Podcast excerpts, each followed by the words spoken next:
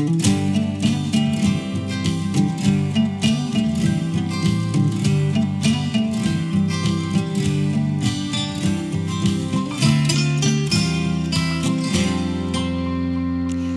så var vi igång med vår tredje livepodd härifrån Almedalsveckan. Och idag ska vi prata mat och livsmedelsproduktion. Vi har kraftigt ökade matpriser, lantbrukare som får allt svårare att få verksamheten att gå runt och det i en tid när vi vill ha mer närproducerad mat. Hur ser förutsättningarna ut för en hållbar livsmedelsproduktion i norra Sverige? Vad görs? Vad behöver göras?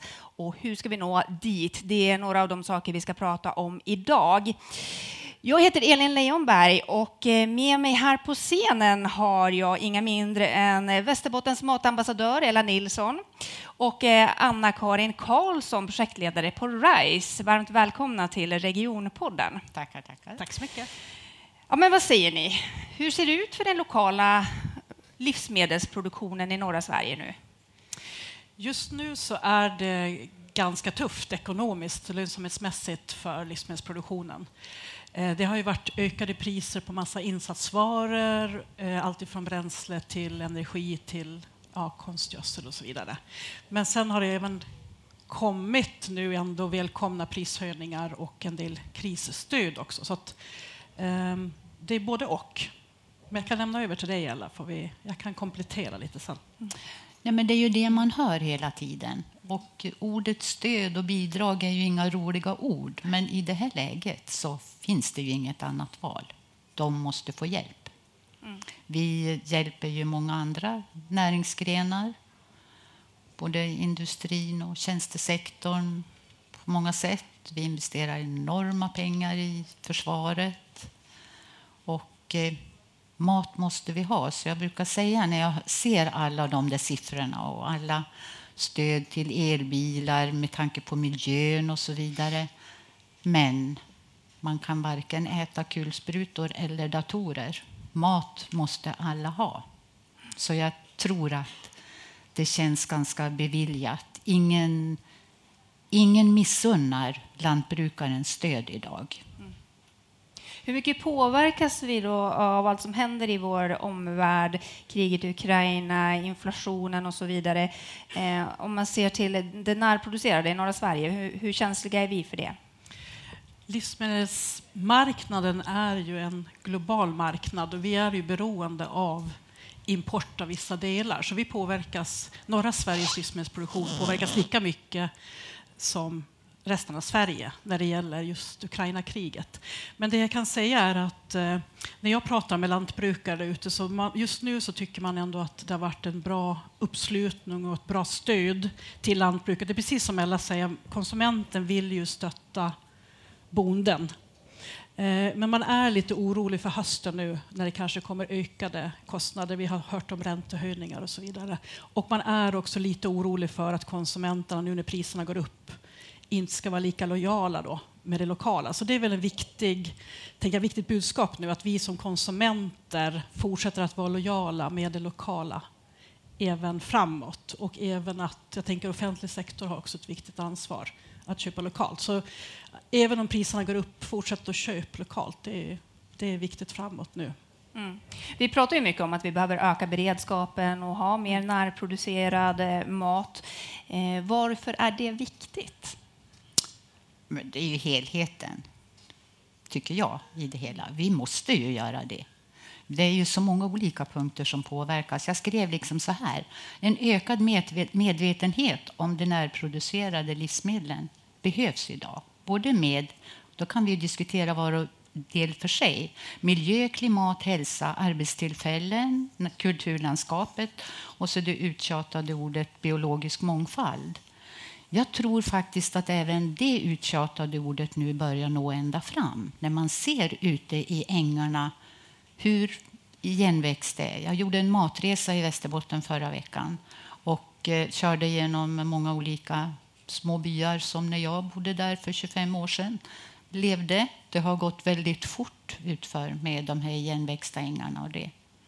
Så att eh, jag tror att eh, vi har ett hopp om att med tanke på hur det ser ut så börjar man förstå.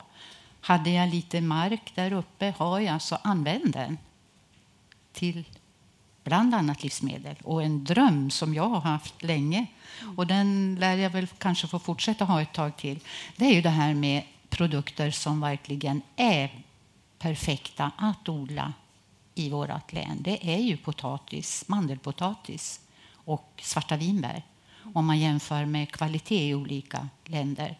Vi hade en gång världens bästa utsädespotatis och det säger ju något om marken och miljön.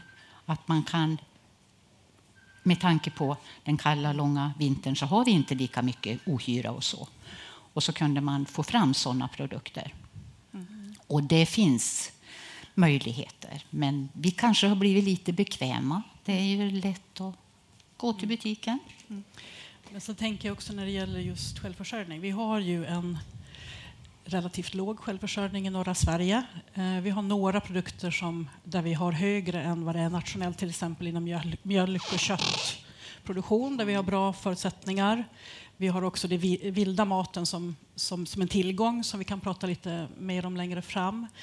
Eh, men vi behöver ju öka vår livsmedelsproduktion, framförallt sett till den här oroliga situationen som är i omvärlden. Och jag kom precis från ett annat seminarium här som handlar om totalförsvar där man pratar mycket om just matförsörjningen, hur viktig den är framåt. Vi behöver bygga en resiliens eller robusthet och då behöver vi ha livsmedelsproduktion i hela landet. Och norra Sverige har möjligheter att faktiskt göra mer livsmedel och just nu så minskar livsmedelsproduktionen på grund av det ekonomiska läget vi har. Och du har ju nämnt några saker nu men det finns ju fler möjligheter här framåt. Men vi vill, behöver livsmedelsproduktion i hela Sverige och sen är det lite olika regionala möjligheter då vad man, vad man kan tillverka mm. och eh, utveckla.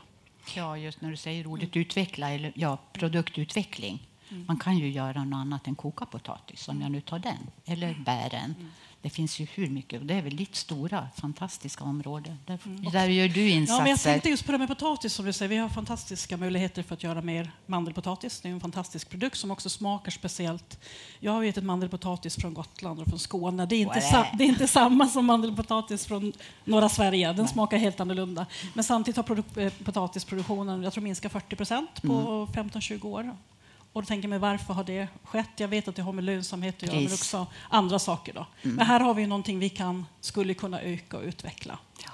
Mm. Utan allt för stora mm. insatser. Det är liksom inte några jätteinvesteringar, mm. kanske. Just det. Eh, och vi är ju ett avlångt land, mm. avlångt land med väldigt olika förutsättningar. Om man då ser till de förutsättningar vi har, eh, hur ser det ut? Liksom? Hur ser vårt skafferi ut i norra Sverige? Det är fullt, det är välfyllt. Med vad då för något? Vi har allt, brukar jag säga. Kan du säga något som vi saknar? Jag vet inte. Soja? Nej.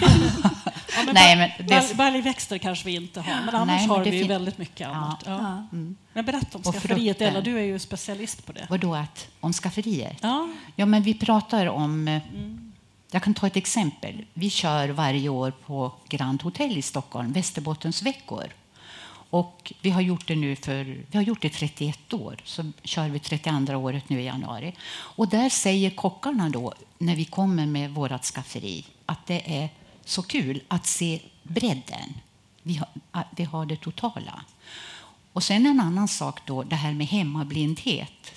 Det faller in i det här, därför att till den här 43 rätters buffén så kommer många utflyttade västerbottningar. Och vad säger de? Har vi allt det här? Det är liksom en ständig fråga. Man blir hemmablind. Men kan du ge några exempel då på saker som folk inte riktigt väntar sig att vi har? Som? På, på, några exempel på råvaror som man inte förväntar sig att vi har? Ja, jag, man har nog inte tänkt på tillgången i skogen, alltså alla bär och alla svampar som vi har där.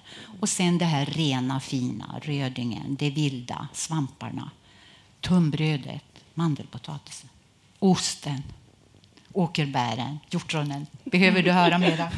Visst vill du komma och smaka? Ja, Vi vill verkligen. inte exportera det, att vi har inga stora mängder. Mm. Utan jag har en sån slogan. Kom till Västerbotten och ät och upplev på stället. Mm. Och betala för er. Mm. Hur skulle du beskriva skillnaderna mellan södra och norra Sverige? Då?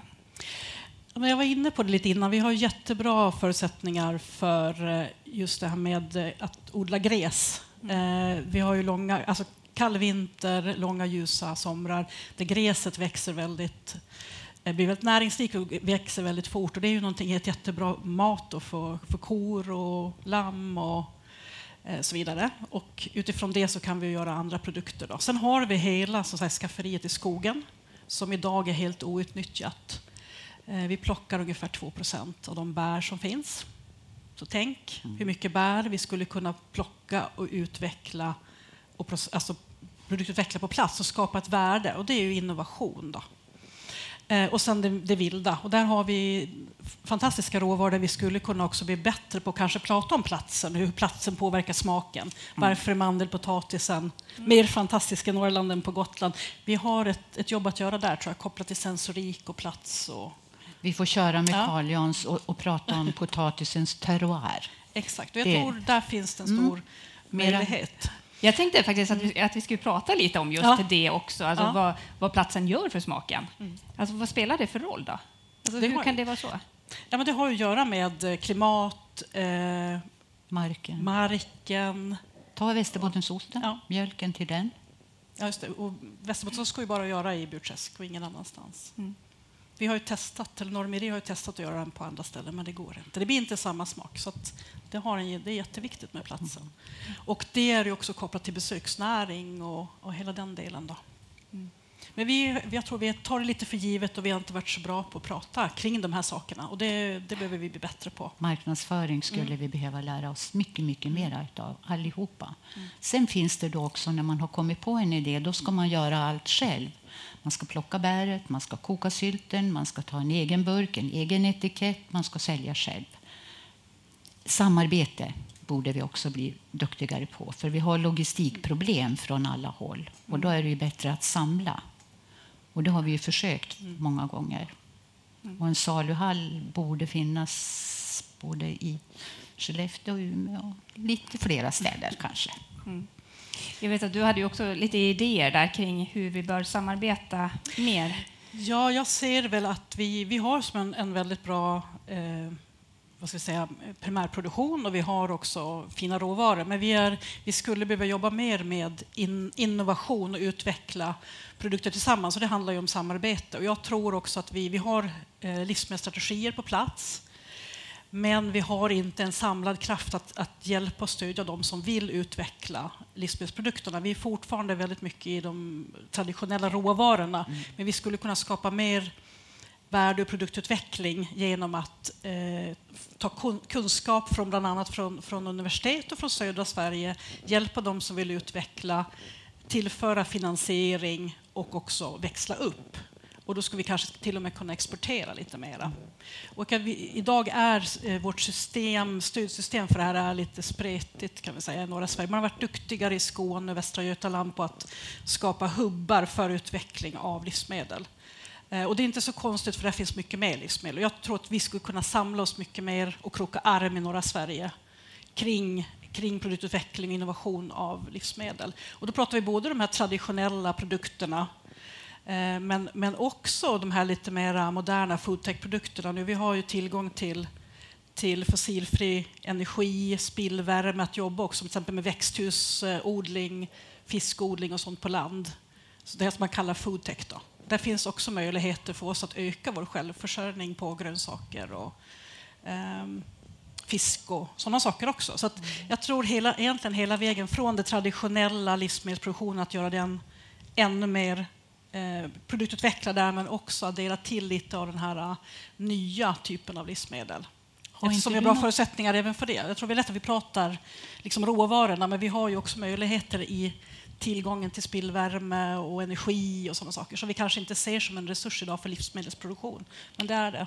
Om jag tänker på det här med blåbär, bara mm. det har väl ni utvecklat?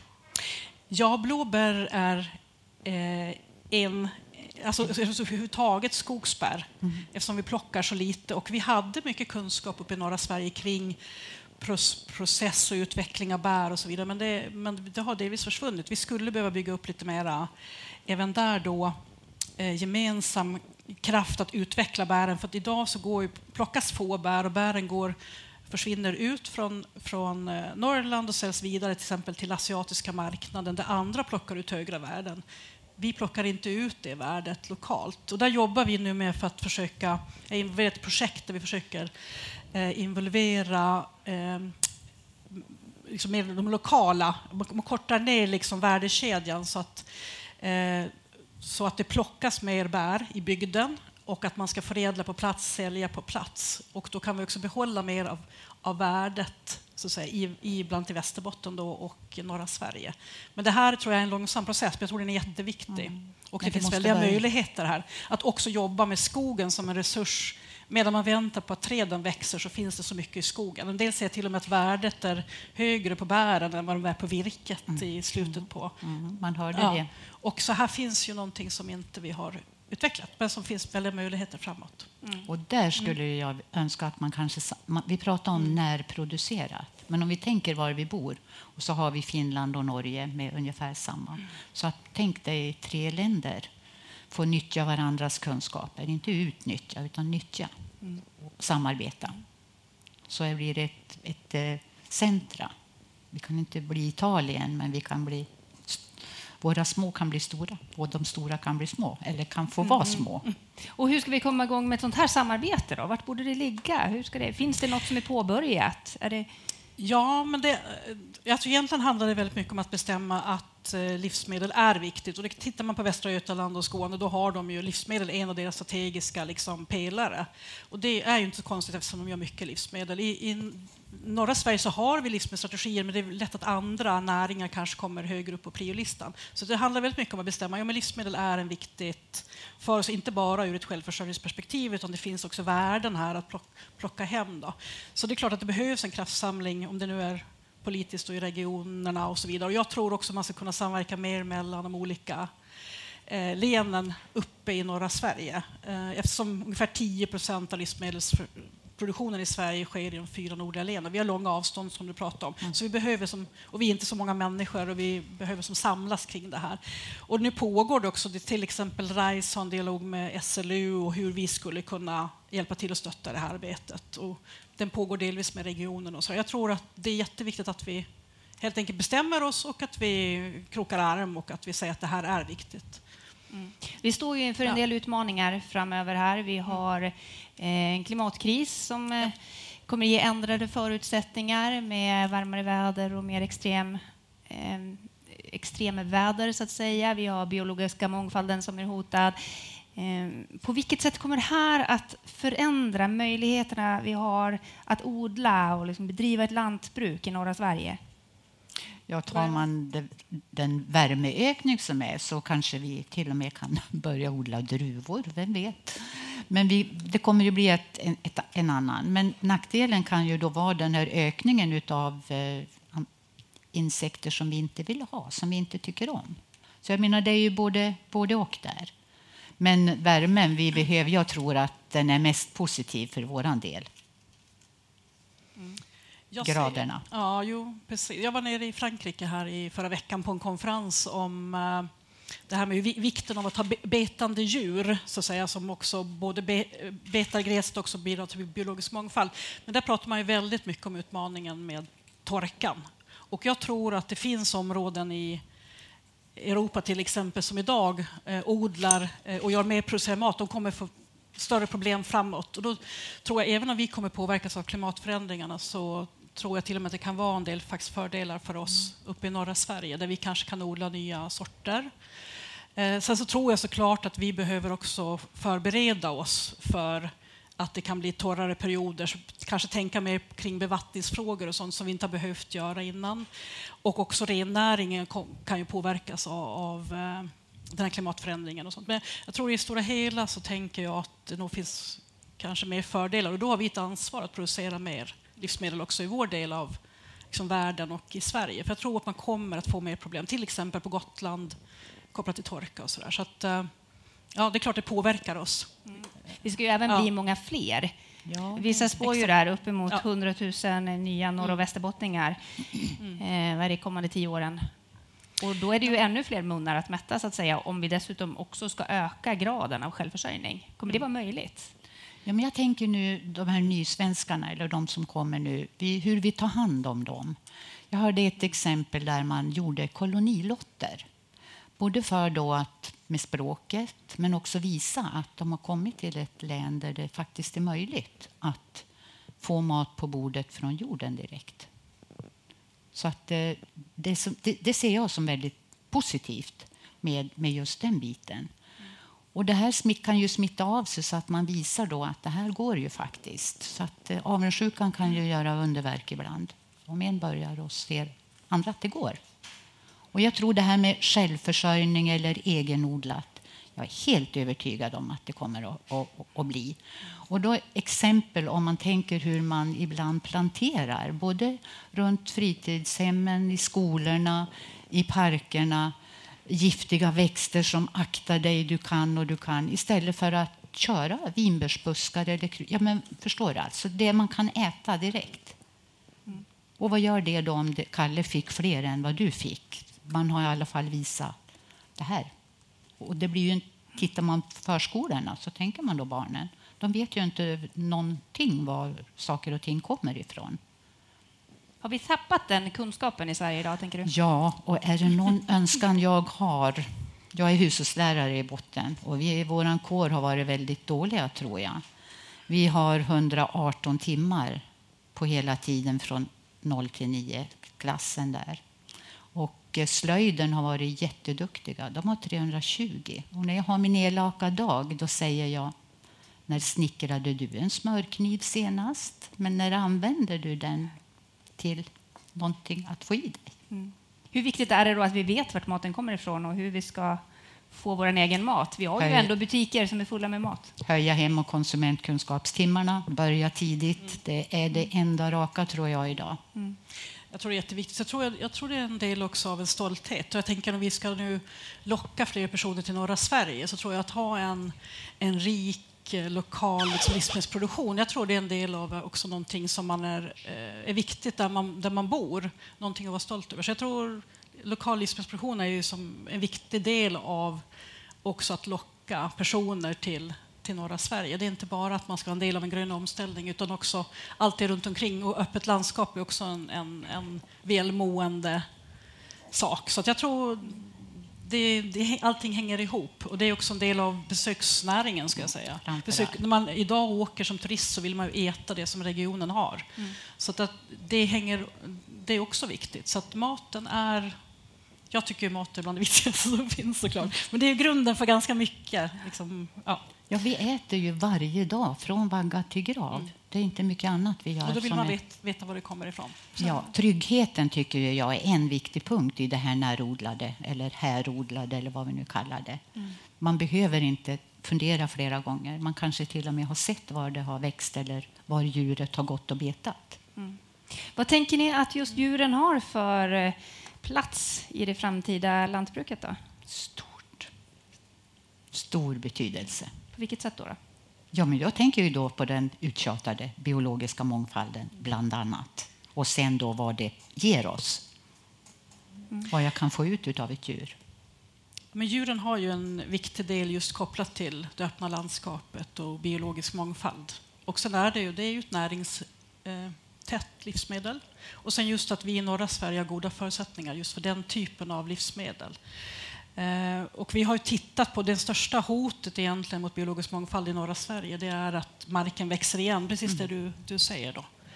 Eh, så att djuren har en viktig, en viktig roll i det och att få det här ekosystemet och cirkulariteten kopplat till eh, gödsel och sådana saker. Det jag tänkte också på är ju att det finns ju också möjligheter kopplat just till djuren och mjölk, mjölkgårdar och så vidare, det är att man också kan använda gödsel till att göra lokal bio, biogas och energi och sånt. Och det tror jag också kommer bli viktigare framöver. Den mer lokala energiförsörjningen mm. eh, kommer att växa i betydelse. Så det är ju sånt som vi också skulle kunna utveckla mer också i norra Sverige. Att man jobbar med den typen av lokal energiproduktion nära gårdarna och så vidare. Mm, just det. Mm. Eh, Och om man då tänker djuren och den biologiska mångfalden, ofta så pratar man ju om det här eh, vitsen med att ha naturbeten, men det skiljer sig lite grann vad jag förstår i norra Sverige. Ja, vi har inte jättemycket naturbeten, men vi har eh, Däremot så har vi ju många små, åkrar, många små åkrar, så det kompenserar. Det blir nästan samma effekt som naturbeten. För vi har många små åkrar och mycket eh, vad ska vi säga, kantzoner då, med både blommor och eh, olika träd och så där, som gör att vi får en ganska hög biologisk mångfald ändå. Och vi, på mitt förra jobb så gjorde vi en inventering på olika mjölkgårdar runt om i Norrland och då såg vi till exempel Höga Kusten har väldigt hög biologisk mångfald därför att de har det här varierade landskapet och sådär. Så att det är minst, minst lika bra som just naturbeten. Däremot i södra Sverige där man har de här äh, stora åkrarna med kanske bara spannmål eller raps och sådär, då är det ju otroligt viktigt med Eh, att man försöker också kanske addera till naturbeten eller addera till träd och sådär. Så vi har olika utmaningar i olika delar av landet. Men i norra Sverige så det är kanske 1-2 procent av marken som är jordbruksmark och den ska vi vara rädda om. Men åkrarna är ändå tillräckligt små för att liksom addera då, eh, biologisk mångfald. Och det är ju inte bara för att korna betar utan också för att vi slår gräset så att säga, och använder det till vinterfoder. Så att, eh, Ja, naturligtvis, är inte hela liksom, sanningen för biologisk mångfald utan det viktiga är det öppna landskapet som det kreerar här. Mm, mm, just det. Eh, lantbrukarna har som sagt drabbats hårt just nu av rådande läge. Eh, vad kan vi göra då för att hjälpa dem? Om man tänker på handel, näringsliv, det offentliga. Liksom, hur kan vi försöka säkra den här närproducerade livsmedelsproduktionen? Men då får vi väl börja med handeln kanske. De som, att det måste vara så stora volymer för att man ska kunna komma in på en hylla. Och alla har ju inte möjligheter att åka runt till alla små producenter. Det är ju inte miljömässigt vettigt. Och eh, handeln är väl in, lite grann av min, eh, vad kallar man det, stora bov, tycker jag. Jag tycker inte de hjälper till med matsvinnet. Varför tycker jag inte det? Hitta någon butik där det inte finns köp tre, betala för två. Och två gurkor kanske jag fixar, men en tredje. Då blir motsvaret från handeln att ja, men vi idag säljer påsar med lite skadade produkter som är fullt ätbara. Ja, i handeln, men hemma. Många tycker att de har gjort ett kap, fått tre grejer och bara betalat två. Så där får vi som konsumenter också skärpa oss lite grann och titta. Men jag tycker inte handeln hjälper till med det närproducerade. Om vi bara tar ett exempel, höstfrukten. Man lagrar eh, frukt från utlandet i fem, sex, sju månader när de har sin högsäsong, kyllagrar. Och så släpper man det när våra svenska frukter kommer. Det tycker inte jag är lojalt från handeln. Jag hoppas att det blir en ändring på det. För matsvinn är ju också någonting som har gjort, tror jag, att konsumenterna lite grann har förstått att det går att spara pengar. Och nu pratar vi väldigt mycket om pengar och priser. Så att jag tror bara den delen, och det ser man ju ända från skolan, man får ju väga och det man lämnar och så vidare. Så att eh, det är på gång. Jag är hoppfull mm. trots allt som händer där ute. Det finns då butiker som också ändå har... Eh, vi har börjat. börjat. Jag tänker i Västerbotten finns det, finns det butiker som plockar in lokalt. Så det, det är nog lite blandat. Ja, det börjar. Det börjar. Eh, men det handlar framför allt nu om... Och, man, och handeln har också varit duktiga på att lyfta fram svenskt. Mm. Eh, nationellt sett. Men det handlar väldigt mycket om att vi konsumenter då fortsätter köpa lokalt, även om priset går upp. Jag tror det är viktigt. Och även offentlig sektor, då, att man fortsätter köpa, upphandla lokalt. Och där finns ju möjligheter idag att, att dela upp upphandlingar så att det är lättare att köpa mm. små volymer. Men det, det kräver ju lite mer handpåläggning och sådär. Så att vi måste nog alla hjälpas åt om vi ska få upp livsmedelsförsörjningen eh, över tid. Mm. Men jag, jag upplever att det finns en hög medvetenhet nu. Är det bättre att handla nära eller ekologiskt? Då? Ja, alltså i norra Sverige så tror jag framförallt att är, man ska inte polarisera. Jag tycker man ska handla kanske lokalt i första hand. Sen kan man välja konventionellt och ekologiskt lite utifrån om man har eh, hur man liksom har kanske andra preferenser eller sådär. Jag tycker inte man ska. Men så länge man väljer lokalt så tycker man gör ett bra, ett bra val. Mm. Kravkött från Brasilien är ju ingenting att längta efter. Hörrni, avslutningsvis, tiden går ju undan. Eh, jag tänker att det är ju valår. Och vad skulle ni vilja se från samhällets sida, från politikens sida för att främja närproducerad mat framöver?